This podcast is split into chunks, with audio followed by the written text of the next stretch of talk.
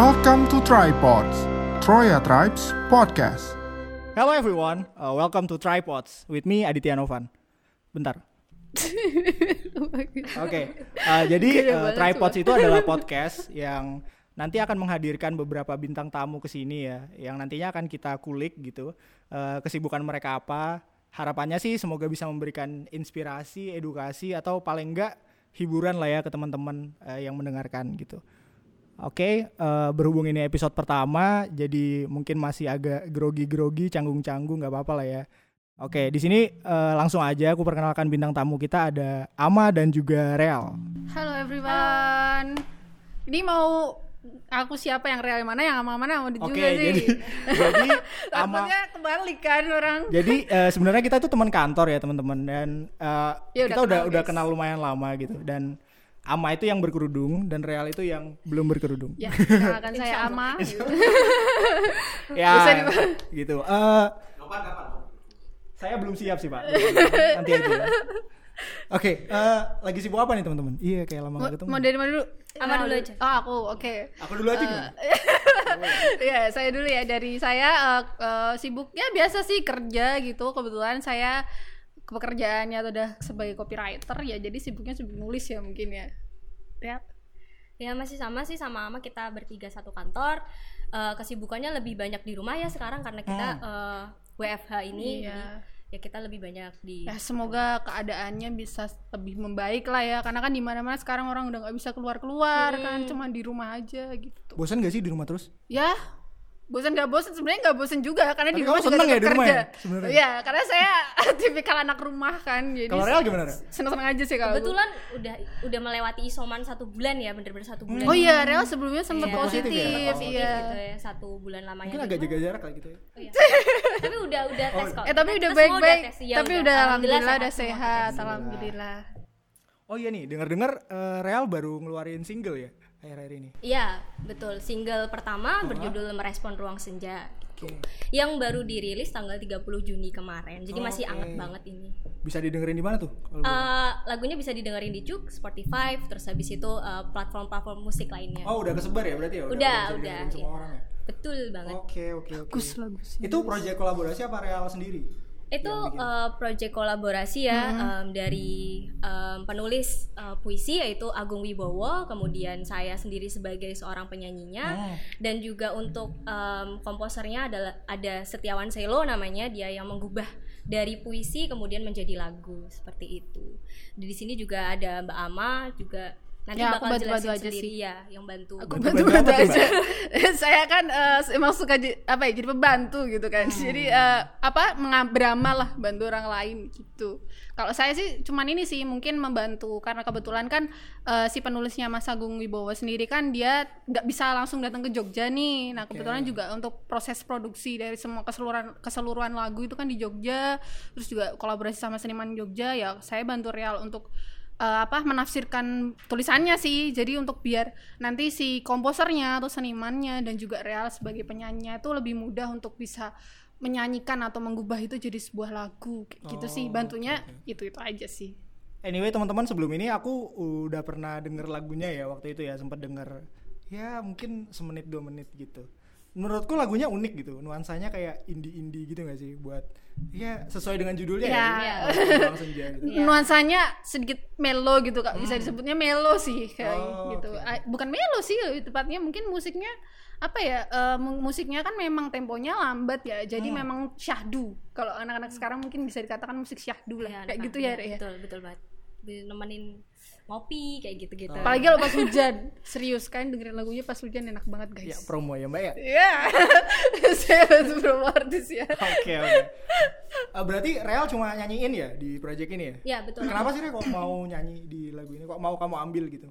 Em, sebetulnya uh, aku udah ikut proses produksinya dari lagunya dari Oke. em, dia uh, si karya ini masih menjadi puisi ya karena memang berangkatnya merespon ruang senja ini uh, puisi dulu dengan judul yang sama merespon ruang senja karya dari Agung Wibowo. Kemudian dari Mas Agung em, ingin mengubahnya menjadi sebuah lagu. Nah kemudian Se- Setiawan Selo mengubahnya menjadi sebuah lagu. Jadi aku udah ikut prosesnya dari Mas Agung ngebriefing sama aku sama Ama apa arti dan makna di balik puisinya dia. Kemudian dia ingin seperti apa digubahnya. Aku udah ikut prosesnya. Kemudian ikut prosesnya itu udah bikin aku ngerasa ini kayaknya bagus gitu. Dari liriknya yang unik kemudian juga Setiawan Selo menggubahnya dengan apa ya dengan unik juga gitu. Oke. karena berangkat dari puisi yang yang memang unik. Mungkin nanti kalau dari tulisan lebih ke Ama bisa lebih menjelaskan gimana sih uh, tulisannya Mas Agung itu. Karena si Ama kan lebih dekat dengan Mas Agung dari sisi tulisan bukunya juga. Banyak karyanya Mas Agung lainnya.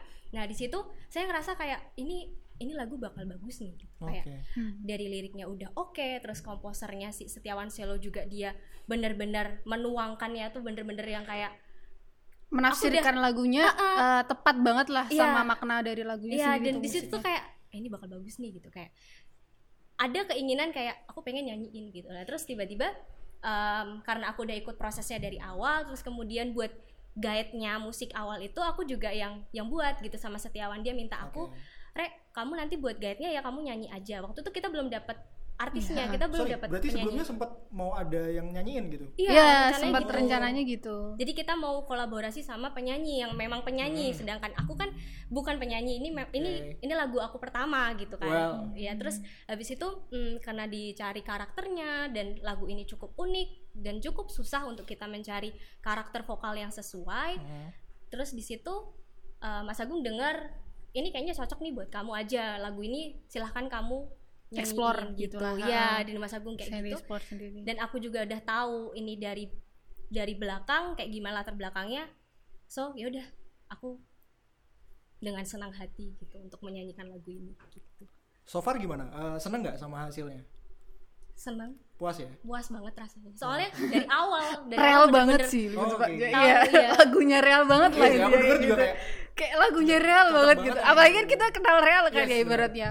Jadi kayak kena oh selera selera kalau aku kan kebetulan oh ya guys info aja juga. Aku kan teman real dari SMA nih. Dikenal dia udah lama gitu kan. Ya emang musik ini tuh karakter musiknya real banget sih. Karakter seninya real lah lebih tepatnya. Makanya kok pas kemarin dia apa punya inisiatif aku mau coba menyanyikan lagu ini terus kebetulan juga direspon positif kan sama Mas Agungnya gitu yang memang niat pengen bikin lagu ini gitu. Eh ternyata kok ya kawin banget gitu. Maksudnya kawin dari si gitu. Setiawannya yang menggubah musiknya itu sama suaranya real itu cocok gitu lah jadi lagunya real banget gitu istilahnya kayak gitu. Hmm, oke oke oke oke. Gitu. Eh iya sama informasi sih. Sebenarnya lagu ini tuh bisa dikatakan semacam kayak musikalisasi puisi ya jadi musikalisasi puisi itu apa sih? Dia tuh apa tuh eh, berangkat dari puisi kan bener kata real tadi kan. Jadi eh, lagu ini tuh digubah awalnya karena dari puisi gitu. Karena dari tulisannya dulu bukan kayak misal eh, beberapa komposeran. Misalnya bikin lagu kan ketemu nadanya dulu atau ketemu lagunya dulu baru di, eh, tercet- tercetum eh, apa tercetus sebuah lagu gitu kan. Atau akhirnya dia bikin lirik gitu kan. Kalau ini tuh enggak. Jadi ini tuh berawal dari puisi. Terus habis itu iseng lah si Mas Agung yang biasa menulis puisi itu dia tuh pengen kayak ada satu karya puisinya tuh dilagukan nah jenis musik yang seperti itu biasanya namanya musikalisasi puisi. Yang mana itu dari lirik puisi itu digubah jadi sebuah lagu kayak gitu. Tapi ya so far sih menurutku ini ya maksudnya lagunya walaupun dia karakter musikal maksudnya eh, termasuk jenis musikalisasi puisi tapi masih enak sebagai lagu-lagu umum. Jadi kayak maksudnya lagu-lagu biasa kayak lagu pop ya. lagu-lagu ya yang biasa kita dengerin lah. Jadi nggak kelihatan lagu yang kayak susah Yang banget harus- didengerin. iya menghayati. Iya yang harus serius Harus, kayak ya. musikalisasi bisi kan biasanya kan liriknya atau mungkin eh, mengikuti dari cara kita membawakan la- lagunya itu kan dari lirik tuh otomatis Hmm. si lagunya ini menjelaskan lirik sedangkan banyak puisi itu kan tafsirannya kan emang berat ya kalau nggak orang sastra atau orang yang hobi banget suka baca gitu mereka nggak ini nggak gampang memahami tapi lagu ini nggak gitu oke itu sih informasi dikit gitu.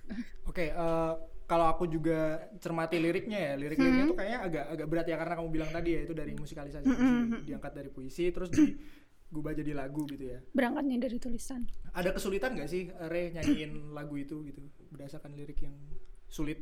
Hmm, sebetulnya tuh ya karena aku udah berangkat dari awal prosesnya banget yang Hmm. ngikutin gitu jadi mau dibawa ke mana arah lagunya ini pun aku juga udah ngikutin bener-bener dari awal banget gitu jadi buat aku untuk menyanyikan itu tidak terlalu susah gitu cuman yang jadi PR itu adalah bagaimana cara mengekspresikan emosinya supaya sampai pesan itu ke audiens. Oke. gitu. Terus uh, ada ini gak sih kayak kiat khusus kamu gimana sih cara nuangin emosinya ke dalam lagu ini? Kayaknya kamu kan menghayati banget tuh di lagu ini sampai orang-orang tuh bilang bahwa ya, jangan-jangan ada kisah pribadi gitu real ya? banget Iya, atau ada cerita gitu khusus. ceritanya. Sejujurnya lagu ini tuh dari maknanya sendiri dari uh, puisi Mas Agung ini tidak ada em, apa ya kayak cerita atau pengalaman aku pribadi. Maksudnya aku pribadi belum pernah mengalami hal seperti Hal yang itu, sama gitu. ya sama dengan eh, dengan yang Hmm. dituliskan Mas Agung gitu. Jadi eh, ya itu adalah PR-nya gimana caranya aku bisa menyampaikan padahal aku belum bisa belum pernah mengalaminya Hmm. gitu. Nah, di situ tuh em, kayak selalu dirasukin aja kayak aku aku di sini ketika aku menyanyi ini aku Agung Wibowo gitu. Oh, kamu bermain peran Iya, bermain peran di situ. Jadi kayak eh, bermain peran bukannya aku membawa suatu emosi yang lain Hmm. atau cerita yang lain, eh, Realindra yang sedang apa bukan, tapi kayak aku Agung Wibowo saat ini ketika aku menyanyikannya, ketika aku membawakannya supaya eh, aku bisa masuk ke dalam sana gitu Hmm. dan Oke. pesannya nyampe juga. Ngomong-ngomong soal pesan, anyway, apa sih sebenarnya pesan utama gitu dari lagu ini yang pengen disampaikan si penulis lagunya? Kalau pesan utamanya ya Hmm. sebenarnya em, karya ini tuh kan bercerita tentang em, pengalaman empiris dari si penulisnya. Hmm. Agung Wibowo itu. Jadi ceritanya ini cukup cukup apa ya? Aku mungkin nggak bakal bisa menceritakan Menjelaskan secara semuanya. detail Iya, semua secara- gitu. menjelaskan Mungkin secara Ama bisa detail. bantu nih. ya mungkin gini sih eh, berangkat karena kan ini berangkat dari puisi ya kan Ah. emang sebelumnya emang eh, Mas Agung sendiri tuh punya hobi menulis Hmm. gitu. Banyak banget karya-karya tulisannya dia gitu kan. Terus kebetulan yang salah satu karya dia yang membekas lah gitu itu ya merespon ruang senja ini. Dan eh, lirik yang dicantumkan di dalam lagu ini tuh sama sekali tidak ada gubahan. Maksudnya dalam artian ini murni tulisannya Mas seorang Agung Wibowo gitu kan. Dan eh, memang dia di lagu ini tuh banyak sih dia bahkan eh, banyak mencam jadi lagu ini tuh tidak satu satu satu satu alur aja ya jadi satu Oke. alur cerita aja enggak gitu tapi banyak berbicara tentang ba- beberapa cerita kenapa kok Multidimensi ya gitu. eh, lebih tepatnya karena ini tuh istilahnya fenomena ya oke. dia, jadi dia mengalami sesuatu gitu terus akhirnya dia menuliskan dari peng- pengalamannya itu tapi lewat gubahan sastra atau gubahan tulisan terus eh, di tulisannya tuh dia ada cerita yang dia menceritakan tentang dulu masa dia waktu muda. Ada juga yang di situ ada be- seberapa penggal baitnya tuh dia menceritakan bagaimana dia berdialog sama Tuhan. Ada Hmm. juga yang dia menceritakan juga eh, dirinya sendiri gitu loh. Dia apa menceritakan tentang dirinya sendiri. Jadi tapi yang jelas eh, lagu ini tuh semua berdasarkan fenomena yang dialami gitu. Oke. akhirnya dia tuliskan sesuai dengan karakter tulis dia tulisannya dia gitu Oke. Eh, ini kan ngomong-ngomong soal karya ya. Soal karya kan orang berhak menginterpretasinya beda-beda gitu. Hmm. Oh ya, Kalau setuju. aku dengar eh, itu akan memaknai seperti apa, Ya, kamu juga setuju, seperti benar. apa. Kalau menurut Ama dan Real itu menginterpretasi karya ini tuh sebagai apa sih? Seperti apa?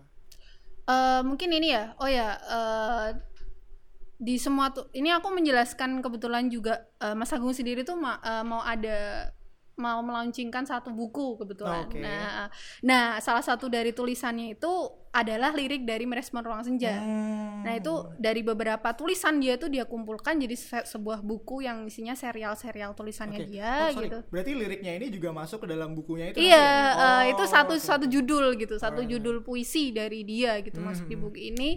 Eh, ditunggu aja next eh, bukunya, insya Allah eh, secepatnya akan segera rilis gitu kan. Oke. Eh, terus Di toko buku kesayangan. nanti akan ada Oke, informasi oke, aja. Ini Siap. saya kasih sedikit hint aja ya. terus eh, bicara soal tadi em, kalau apa eh, tentang ngomong tentang tulisannya itu menurutku bener sih dari Mas Agung sendiri itu tuh selalu eh, meniatkan di setiap dia membuat tulisan itu dia ingin setiap pembaca itu tuh membe- mem- menginterpretasikannya sesuai pengalaman mereka atau sesuai pemikiran mereka Hmm. sendiri-sendiri termasuk di lagu ini dia juga pengen kayak berdialog lah tepatnya. Hmm. berdialog sama para pendengar lagu ini. gitu ya. atau sa- sa- dengan para audiens gitu kan. Kalian ingin menafsirkan atau ingin memaknai lagu ini itu seperti apa? Jadi em, dan kebetulan memang liriknya sendiri itu kan jujur nih kayak judulnya ini merespon ruang senja kan. Ada satu lirik tuh yang menurutku ini sangat multi interpretable dan menurutku setiap orang tuh kayaknya pasti punya cerita yang beda-beda nih di satu lirik ini ada satu lirik tuh yang ngomongin tentang senja menawariku sebuah tempat tuh ref pertama. Itu menurutku hooknya banget sih. Di mana menurutku setiap orang tuh pasti pernah mengalami uh, cerita senjanya kan. Pasti pernah pernah kayak kita melihat senja gitu. Atau pernah kita ngalamin satu momen kita uh, pas waktu itu lagi sedang ada matahari terbenam matahari terbenam atau senja gitu kan. Dan pasti setiap orang tuh kayak punya punya rasa sendiri-sendiri pas waktu ngalamin senja itu tuh di pada momen itu gitu kan. Kita dikasih tempat nih sama senja untuk berpikir apa sih misal kita ngomongin tentang kisah kita kita memikirkan tentang cerita kita atau kita memikirkan pada waktu itu kita sedang merefleksikan apa gitu. Nah itu termasuk dengan tujuannya si penulis ini sendiri gitu. Oke. pengen membebaskan siapa pun pendengar itu boleh sekali menceritakan kisahnya masing-masing setelah mendengarkan lagu ini. Oke. gitu. Kalau Real sendiri gimana menginterpretasi karya ini? Ke- dari judulnya aja ya merespon ruang senja. Itu Hmm. kan udah multi tafsir banget ya. Merespon itu kan artinya memaknai. Bagaimana kita menyikapi memaknai ruang senja. Ruang itu kan suatu ruangan yang ya ada suatu tempat gitu. Senja. Senja sendiri juga banyak sekali artinya gitu. Ya. Senja itu bisa juga diartikan eh, adalah tempat untuk pulang, waktu untuk istirahat, atau bahkan tempat di mana berakhirnya hari Oke. atau memulai sesuatu yang setelah baru, akhirnya ya kan? Jadi bagaimana kita em, merespon suatu keadaan, pada Ah. intinya seperti Hmm. itu. Jadi Mas Agung tuh memang mau audiensnya itu menafsirkan sesuai dengan apa yang dia dialami oleh sendiri um, audiens itu Oke, ketika mendengarkan lagunya. Kalau ya itu luar biasanya sih. Jadi kayak ini lagu unik sekali, ini lagu keren sekali. Jadi walaupun maknanya liriknya seperti itu dan si penulis punya cerita lain di balik itu, tapi em, si merespon ruang senja ini juga bisa diartikan oleh orang-orang lainnya. Nanti Oh, mungkin oke. aku bakal cerita sih em, tentang apa yang mau aku sampaikan gitu di judul itu. Oke, boleh, boleh, boleh. Sebelum itu aku mau nanya dulu nih, kayak ada beberapa lirik gitu yang kayak mengganjal di aku gitu. Ah, aku boleh. boleh ini ya, nanya ke kalian gitu. Ada lirik yang bilang kayak ini nih, jangan percaya pada abu-abu atau samar-samar. Bagikan rahmatmu kepada malaikat atau penjahat. Hmm. Kayaknya dua kalimat ini itu powerful banget gitu di ini. Hmm. Namanya juga puisi ya. Mm-mm. Mungkin ada makna tertentu gitu banyak yang mau banyak disampaikan. pemaknaannya Oh banyak ya.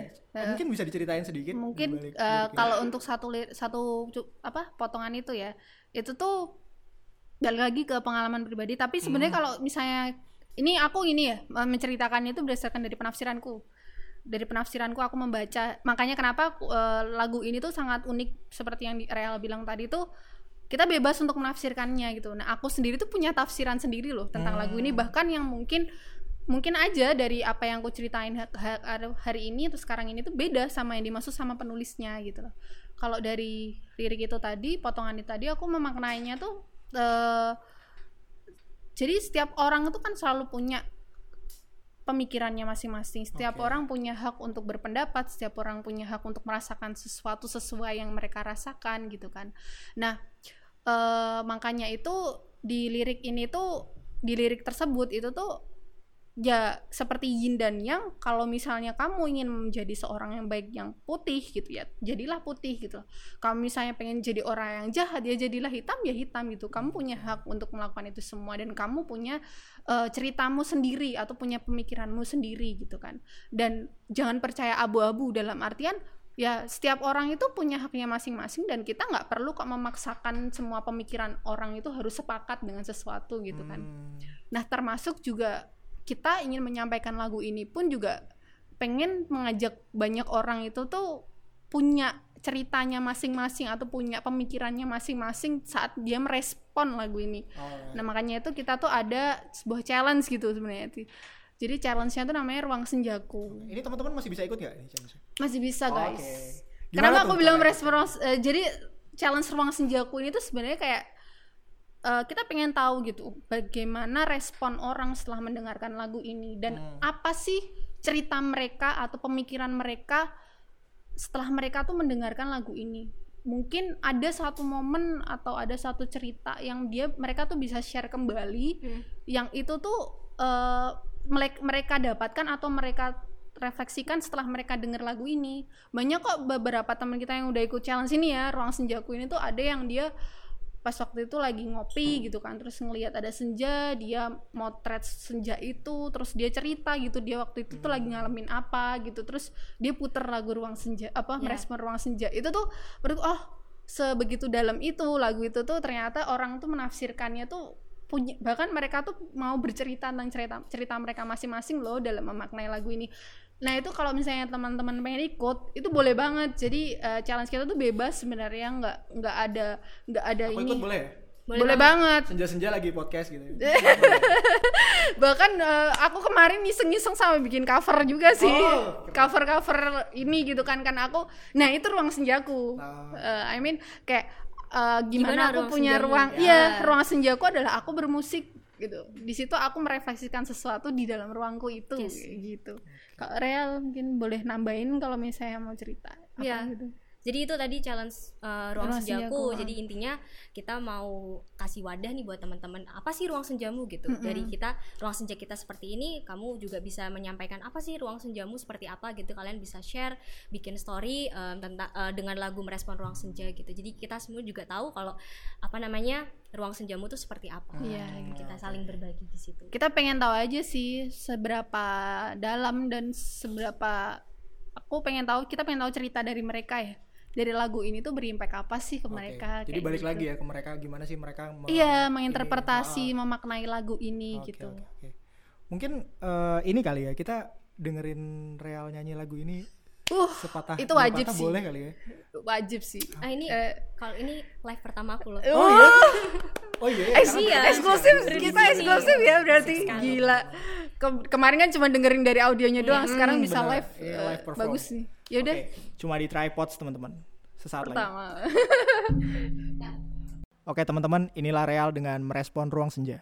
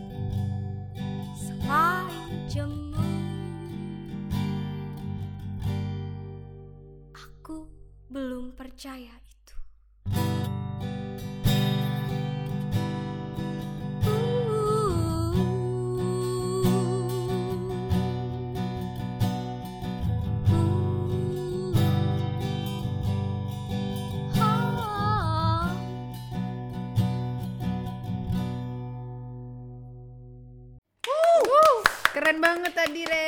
Thank you. Aku dengerin live pertama kali. Wah, Gila gila gila gila. Tahu gak sih eh, aku waktu dengerin lagunya tuh kebayang gitu loh. Ah, ini kalau dijadiin MV gitu ya. Video klip tuh jadinya kayak gimana gitu. Hmm. eh, Kebawa sendu-sendu yang gitu gak sih? sebenarnya.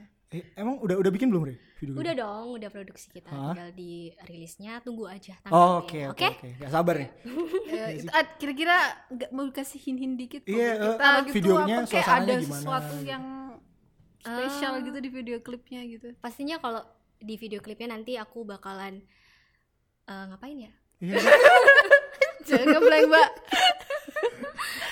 di video klipnya nanti em, di situ nanti aku bakalan em, keluarin sebuah Wah, jurus gitu. Oh, ada jurus rahasia. Enggak, soalnya Iya, aku betul. denger-denger tuh kayaknya kayak ada satu performance spesial gitu loh. Tapi aku nggak tahu performance-nya apa gitu. Aku tuh Itu kebayang paling ya, itu di yang alam-alam gitu ya, di di atas gunung gitu sambil whatever ngapain nyanyi. Sambil ngelamun kayak Iya. ngeliatin senja apa gimana gitu. Tapi denger denger sih, aku cuma denger denger dari teman-teman yang kemarin produksi bareng Hmm. Ah, Real tuh oke. katanya ada kayak mau ada perform spesial gitu loh.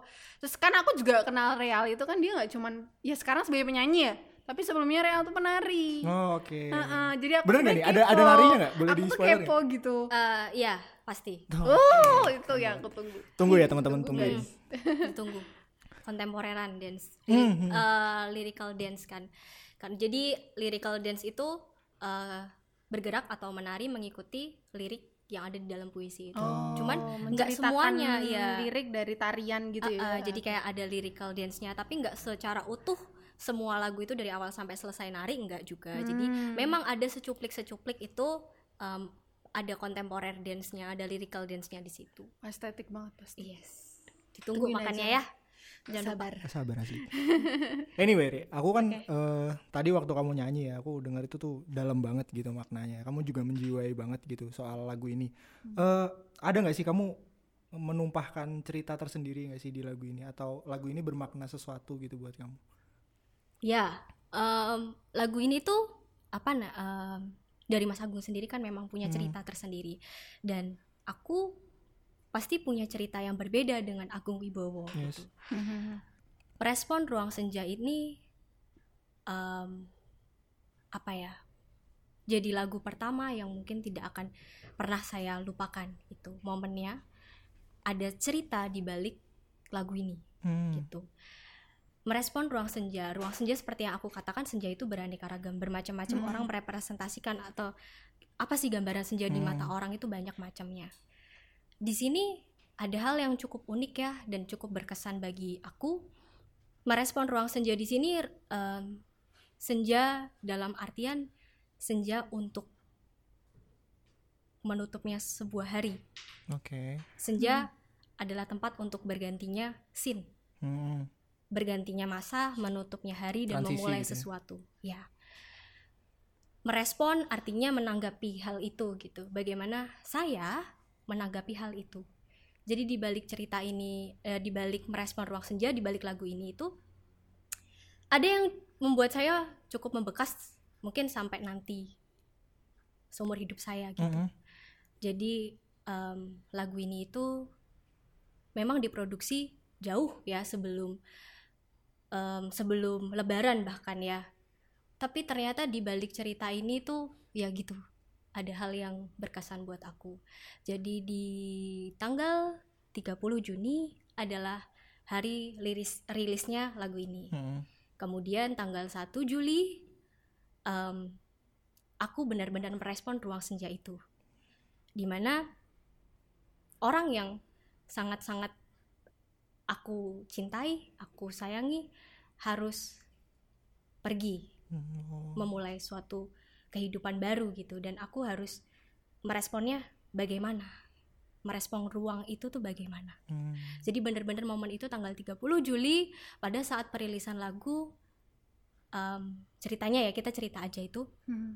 tanggal 30 Juli itu eh, Ju- eh, sorry 30 Juni ya. Tanggal 30 Juni itu hari rilisnya itu kan jam 00 ya jam Oke. 00 posisinya di situ aku lagi di rumah sakit Hmm. jadi kan emang kita eh, sekeluarga sempat kena musibah kita kena wabah covid ya. Satu rumah kita positif. Terus pada saat itu yang paling parah adalah ayah saya gitu. Oke. tanggal 30 posisinya rilis lagu eh harusnya rilis lagu harusnya seneng-seneng tuh ya kan. Tapi ternyata aku ada di rumah sakit untuk nganterin ayah yang emang di sana posisinya udah kritis gitu. saturasinya hanya 30% di mana 9, di bawah 90 itu harusnya udah masuk ke rumah sakit gitu. Sedangkan ayahku saturasinya 30 wah banyak sekali cerita di situ tuh sebenarnya. Jadi memang pas kita tes itu ayah tuh hasilnya negatif sendiri. Ayah tuh Oke. hasilnya negatif sendiri. Kita satu rumah itu positif kecuali ayah. Jadi ayah itu tidurnya di teras. Kita berempat sekeluarga di dalam rumah kita isolasi mandiri di dalam rumah. Ayah di teras karena dia hasilnya negatif tapi dia tidak mau eh, pergi ke tempat karantina atau berpisah dengan kami. Dia memilih untuk tidur di teras gitu karena biar dekat dan tetap menjaga anak dan istrinya. Jadi yang suplai makanan yang eh, controlling kita semua itu ayah.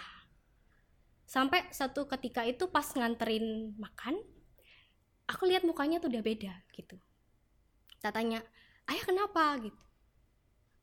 Ayah sama kayak kamu gitu. Ayah nggak bisa nyium sekarang dia bilang gitu kan. Terus loh kalau ayah nggak bisa nyium ayah sini aja gitu. Ayah masuk aja gabung sama kita isolasi mandiri di dalam gitu. Dia bilang kalau misalnya aku mas eh, nggak eh, nggak di sini siapa yang bakal suplai makanan buat orang di dalam? Gitu. Ayah nggak apa-apa apa namanya ayah nggak bisa nyium doang gitu. Dah yang penting kalian di dalam sehat dulu gitu. Bener-bener dia nggak mau.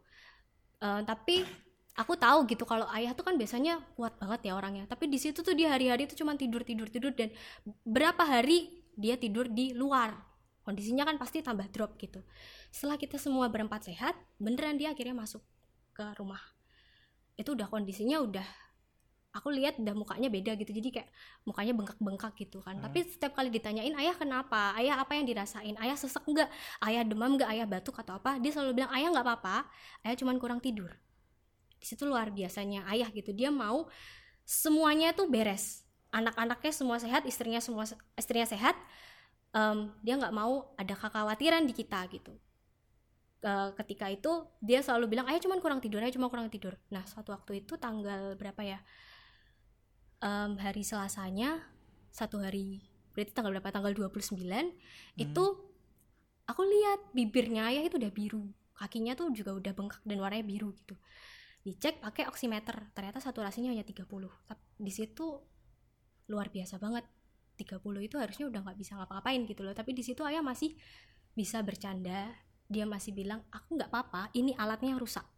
Dia bilang kayak gitu. Akhirnya aku kan sebagai anak pertama di situ aku ngerasa kayak ini nggak ini Harus nggak melakukan sesuatu. ini ah, ini nggak wajar ini saturasinya rendah banget akhirnya kita langsung ke bawa ke rumah sakit di sana karena sekarang memang lagi bludak ya lagi banyak banget Iya. kasus Penuh covid ya. iya lagi penuh rumah sakit semua penuh oksigen nggak ada bed nggak ada rumah sakit full di situ kita terlantar di rumah sakit kita nunggu dapat ruang inap nunggu dapat perawatan dari jam se- 11 kita sampai rumah sakit sampai jam 3 pagi itu nggak diapa-apain gitu nggak dapat tindakan apa pun di sana. Aku tuh lihat ayah itu udah bener-bener yang kayak ya dia udah lemah banget gitu dengan saturasi yang segitu. Ba- bahkan sampai ada di momen saturasinya tuh 6 itu bener-bener kadar oksigen yang ada di dalam dirinya tuh Habis. cuma segitu gitu. Aku udah kayak ini harusnya hari di mana aku bisa em, merayakan iya gitu kayak kayak ayah aku punya hadiah buat ayah gitu kan It's okay tapi di situ ternyata momen itu aku ada di sana gitu. dong tisu. terus em, kita putar lagu itu kenceng-kenceng putar lagu itu kenceng-kenceng di rumah sakit sama pasien-pasien lain yang juga belum dapat perawatan itu banyak sekali. Kasus covid itu beneran guys. Bener-bener yang aku menyaksikan sendiri ngeri banget. Bahkan sampai tenaga medis itu juga dia nggak bisa berbuat apa-apa gitu. Gue tahu kalau ini dah harus dapat tindakan. Dia pun juga tahu kalau ayahku harus dapat tindakan. Cuman emang beneran gak ada oksigen. Beneran gak ada bed gak ada ruangan. Bener-bener apa yang harus kita lakukan gitu. Gue ngerasa kayak ini tuh cuma nungguin sorry nungguin ayahku nggak ada. Ini tuh cuman kayak gitu loh cuma dibayangkan kayak gini. Aku cuman bikin ayah senang ayah aku cuman kayak pura-pura baik-baik aja gitu. Eh lagu aku udah rilis loh ya gitu. Ya dengerin gitu. Terus aku putar di situ kenceng-kenceng. Di situ aku dengerin dia cuman dengerin gitu kan dia dengerin.